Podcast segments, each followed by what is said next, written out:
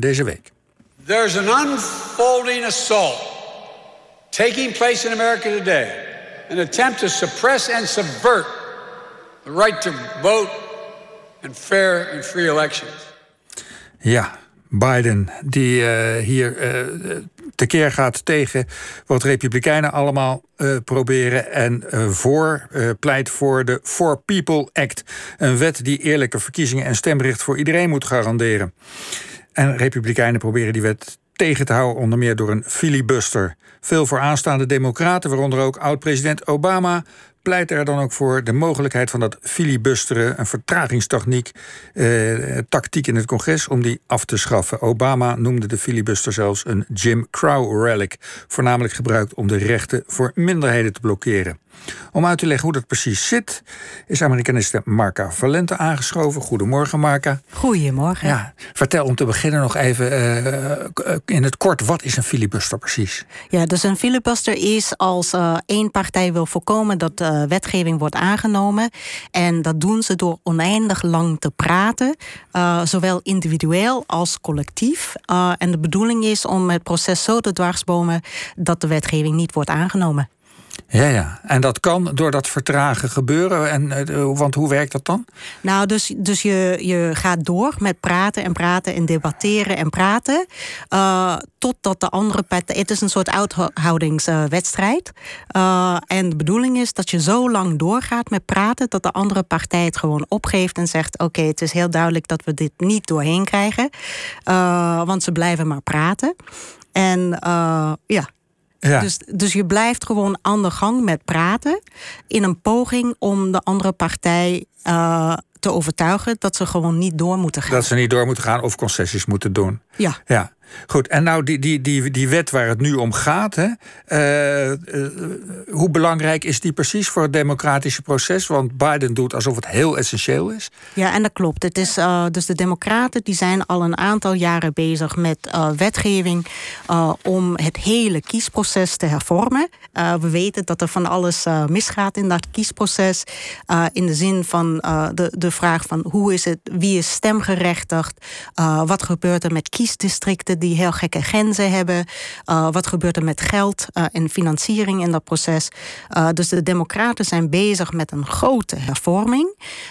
en er zijn twee heel belangrijke aspecten. Eén aspect is het tegengaan van discrimineren of wetgeving dat een discriminerende uitwerking heeft tijdens verkiezingen. en discriminerende uitkomst tegen minderheden, tegen armen en tegen jonge kiezers. Uh, en het tweede is het voorkomen van dat er die heel gekke grenzen zijn bij kiesdistricten uh, ten voordeel van de ene partij en nadeel van een andere partij. Ja, en dan gaat het om een federale, een landelijke wet die dat in de afzonderlijke staten moet tegengaan. Precies, dus de, de verkiezingen die worden op staatniveau geregeld. Dus je hebt 50 staten en in feite heb je eigenlijk 50 verkiezingen als het gaat bijvoorbeeld om de president van Amerika.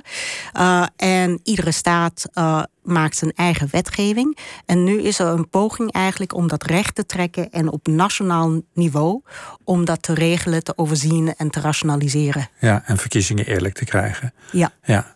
Nou noemde Obama eerder dit jaar eh, dat filibusterus, die manier om, manier om dit, dit soort dingen tegen te houden, een Jim Crow relic. En uh, dat heeft mee te maken dat het dan dus uh, zeg maar een soort uh, racistisch gebruik zou zijn. Dat het tegen minderheden gericht zou zijn. In hoeverre heeft hij daar een punt? En is dat filibusteren echt tegen wetgeving die voor civil rights opkwamen gebruikt?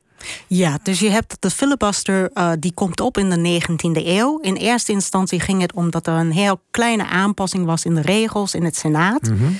uh, die, waarvan eigenlijk helemaal niet de bedoeling was om de filibuster mogelijk te maken. Uh, langzaamaan ontdekten mensen wat ze konden doen. Uh, omtrent de burgeroorlog, halverwege de 19e eeuw, had je opeens dat er veel meer gebruik van werd gemaakt. Dus op een moment van spanning en polarisering. Uh, en dan vervolgens heb je, uh, wat je ziet, is dat het, ondanks dat het gebruikt werd door alle twee partijen, dus Democraten en Republikeinen, is het zo dat als je kijkt naar pogingen om vanuit nationaal niveau iets te doen tegen geweld tegen minderheden, tegen discriminatie van minderheden. En dan met name ook rond verkiezingen en rond het lynchen. dus het, het martelen en het ophangen van zwarte, de grote menigte, witte menigtes. op het moment dat er pogingen zijn om wetgeving aan te nemen die dat, dat, dat gaat voorkomen, is de filibuster gebruikt om dat tegen te gaan. Ja, want het was 100 jaar geleden of zo hè, dat dat begonnen is met wetgeving tegen lynchen. Ja, dus je had in 1922 had je, uh, dat er een, uh, de eerste serieuze poging was op nationaal niveau. Uh, in het Huis van Afgevaardigden had je een afgevaardigde vanuit het zuiden, Leonidas Dyer. En die heeft wetgeving door het huis gekregen tegen lynching. Um, toen gaat dat naar het Senaat. En in de Senaat hebben de uh, Democraten, die in die tijd eigenlijk de Republikeinen waren, dus zij hadden allerlei conservatieve en racistische standpunten. Uh, ja, en uh, dus. Die, hebben, die zijn gaan filibusteren toen. Ja, die zijn filibusteren. Die zijn gaan filibusteren om die anti-lynching wetgeving te voorkomen. En dat hebben ze met succes gedaan. Ja. En dat was de eerste keer, want wat zo opzienbarend was, was dat ze het heel strategisch hebben ingezet. Op, uh, toen werd dat heel wetenschappelijk genoemd. Dat hebben ze op een uh, heel goed berekend manier gedaan. Uh, en tegelijk hebben ze dat ook heel openlijk gedaan. En dat was heel verrassend. Dat was de eerste keer dat mensen zeiden van ja, we zijn aan het filibusteren om dit te voorkomen. Um, en dat, dus dat was het moment waar je echt zag dat dat uh, um, voet op grond kreeg. Hoe zeg je dat? Ja, voet, aan de grond ja, kreeg. Voet aan de grond kreeg.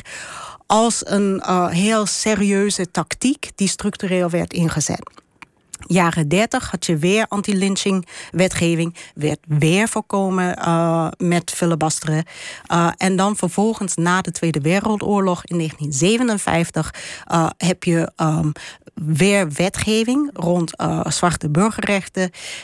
en toen heb je dat je eigenlijk het record krijgt van de langste filibuster speech. Uh, en dat was van Strom Thurmond. En die is een uh, beroemde en beruchte senator uit het zuiden. Was uh, in het senaat voor tientallen jaren. en die heeft voor meer dan 24 uur gesproken als onderdeel van dat filibusteren. Um, en dan in 1964 uh, was er weer wetgeving. Ja, dat was, de beroemde Civil Rights Bill. Precies. Dus je had uh, de Civil Rights Act en je had in 1965 had je de Voting Rights Act. En toen waren er weer pogingen, maar die hadden geen succes. En toen kregen we heel wezenlijke wetgeving die voor zwarte burgerrechten zorgde, voor het versterken daarvan. En tegelijk die ook discriminatie en discriminerende uitwerkingen van uh, verkiezingswetgeving voorkwam. Uh, en dat is eigenlijk een heel wezenlijke context voor wat nu speelt. Ja. Uh, want die wetgeving van 65, die is eigenlijk ongedaan gemaakt in 2013 door een uh, uitslag van het Hoge Rechtshof.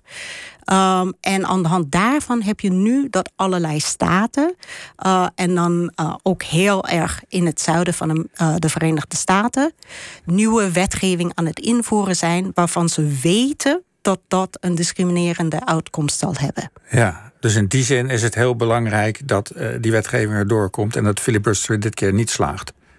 Ja, en, en met name met het oog op de verkiezingen van uh, 2022.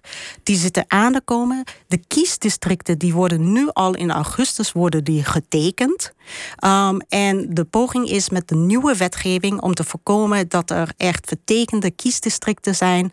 En om uh, die nieuwe wet, discriminerende wetgeving tegen te gaan. Goed, nou laten we hopen uh, dat die wetgeving erdoor komt. Marca Valenta, bedankt voor je komst. En uh, dan is het nu weer tijd voor een aflevering van onze zomerserie De Menselijke Natuur.